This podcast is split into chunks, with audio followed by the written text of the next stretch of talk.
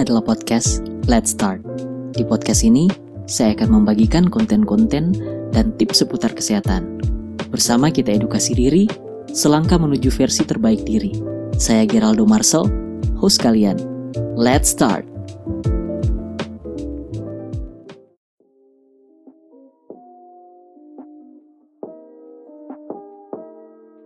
Setiap hari saat kita melihat berita, ada saja peningkatan kasus COVID-19. Media terus-menerus memberi informasi yang kadang membuat kita takut atau resah. Belum ada yang tahu kapan pandemi ini akan berakhir.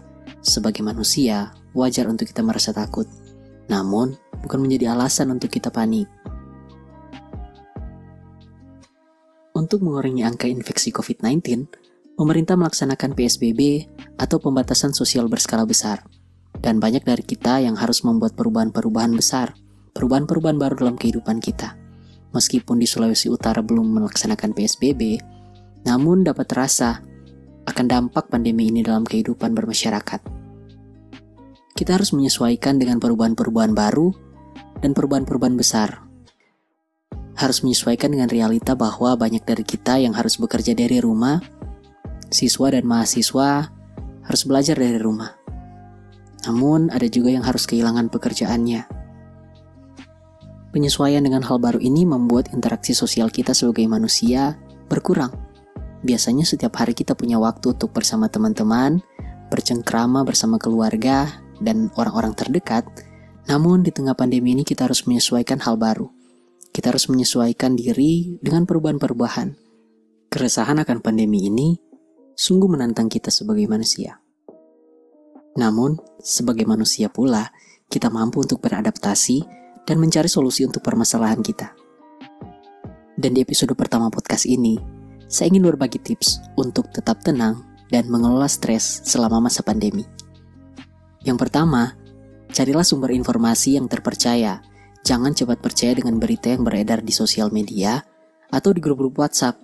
Tetap up to date dengan informasi dari pemerintah pusat, juga pemerintah daerah. Yang kedua, adalah cobalah untuk semampunya tetap produktif cobalah rutinitas baru dan hal-hal yang ingin Anda lakukan, yang ingin Anda coba sebelumnya, namun belum punya banyak waktu. Yang paling banyak kita jadi sekarang, temu masa, atau yang suka-suka hobi-hobi menyanyi, orang aja posting di Facebook, yang suka mau masa aja posting di Facebook lagi.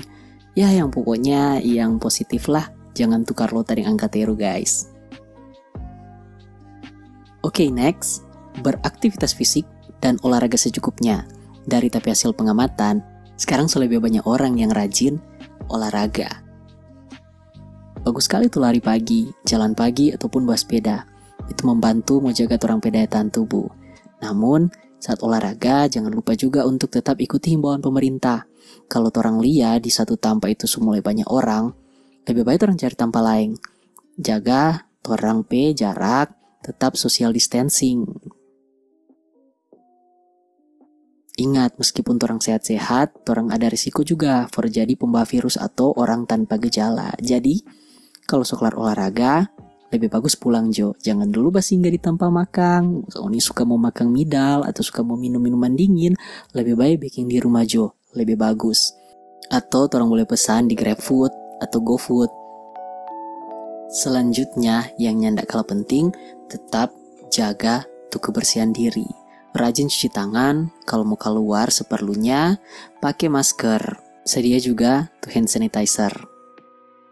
Meskipun tadi sudah saya sebutkan untuk tetap update berita terbaru, namun kita harus membatasi waktu kita dalam menonton, membaca, ataupun mendengarkan informasi yang bisa membuat kita merasa cemas atau stres.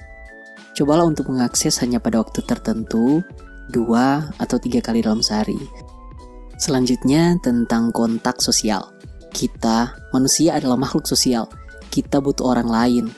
Dan saat ini, meskipun ada batasan-batasan untuk bertemu dengan keluarga, teman, atau sahabat dan orang terdekat, kita bisa menggunakan sosial media, telepon, atau video call, dapat membantu kita menjaga hubungan baik dengan keluarga kita, sahabat, maupun orang-orang yang paling dekat dalam kehidupan kita. Nah, selanjutnya masih tentang kontak sosial, sosial media maupun hal-hal yang mendekatkan kita meskipun jauh, tetap taruh batasan-batasan yang cukup Cukup itu bagaimana? Menurut penelitian, rata-rata setiap orang menghabiskan waktu 8 jam untuk mengakses smartphone, akses sosial media, dan juga kontak sosial. Nah, kalau ngoni sorasa so lebih dari 8 jam, semua batasi jo. Mulai ngan wah, sudah kotek kang, so berlebihan tapi waktu ini. Paket waktu yang ada, waktu luang dan kesempatan for For baking hal-hal yang positif yang boleh buat Ngana berkembang, bikin Ngana tenang juga. Hmm, tidur misalnya. Oke, sekarang kita lanjut. Orang juga boleh berbagi, berdonasi, membantu mereka yang membutuhkan. Kalau Ngani punya kelebihan, sisihkanlah untuk membantu mereka yang berhak untuk mendapatkan bantuan. Karena saat orang dapat berkat, sebaiknya orang berbagi juga berkat bagi orang lain. Jadi, masa pandemi ini orang semua membantu sesama, orang bisa menjadi berkat dan berbagi berkat bagi orang lain. Kita salut dengan orang-orang sulut, kita salut dengan orang-orang dan organisasi-organisasi kemasyarakatan yang peduli, jiwa sosialnya tinggi, mereka mau berbagi, orang suka mau bikin kegiatan untuk galang dana, untuk membantu orang-orang yang membutuhkan berbagi sembako ataupun membantu petugas medis untuk menyediakan APD for dorang. Jadi, baiknya juga orang bantu pekerja kesehatan, bantu para dokter, bantu para perawat, dan seluruh tenaga kesehatan yang memerangi COVID-19. Mereka yang mengambil bagian menjadi pahlawan kemanusiaan, kita dukung mereka. Kita doakan agar mereka bisa tetap aman dan terlindungi. Karena kasihan ini resiko pekerja kesehatan untuk terpapar COVID-19 tinggi. Karena itu orang butuh alat pelindung diri, promosi kurang resiko supaya tidak terpapar COVID-19. Dan di sini, Ikatan Alumni Ilmu Kesehatan Masyarakat Unima membuka donasi untuk menyediakan alat pelindung diri bagi pekerja kesehatan. Jadi saya mengundang para pendengar, masyarakat maupun alumni yang sedang mendengarkan podcast ini untuk berdonasi. Kita sediakan APD yang layak bagi pahlawan tenaga medis. Orang bisa bantu berdonasi melalui rekening BRI. Ini DP nomor rekening 0649 01 02 50 60 50 8. Sekali lagi, rekening Bank Rakyat Indonesia 06 49 01 02 50 60 50 8 atas nama Ikatan Alumni IKM Unima. Oke, demikian tips dari saya. Terima kasih telah mendengarkan. Tetap jaga kesehatan, stay at home, stay safe, stay healthy, salam sehat, dan tetap ikut himbauan pemerintah. Mohon maaf kalau ada salah-salah kata. Nantikan episode berikutnya. Bersama Torang Bisa, bersama Torang Mampu, bersama Torang Jadi Pemenang. Tetap edukasi diri, selangkah menuju versi terbaik diri.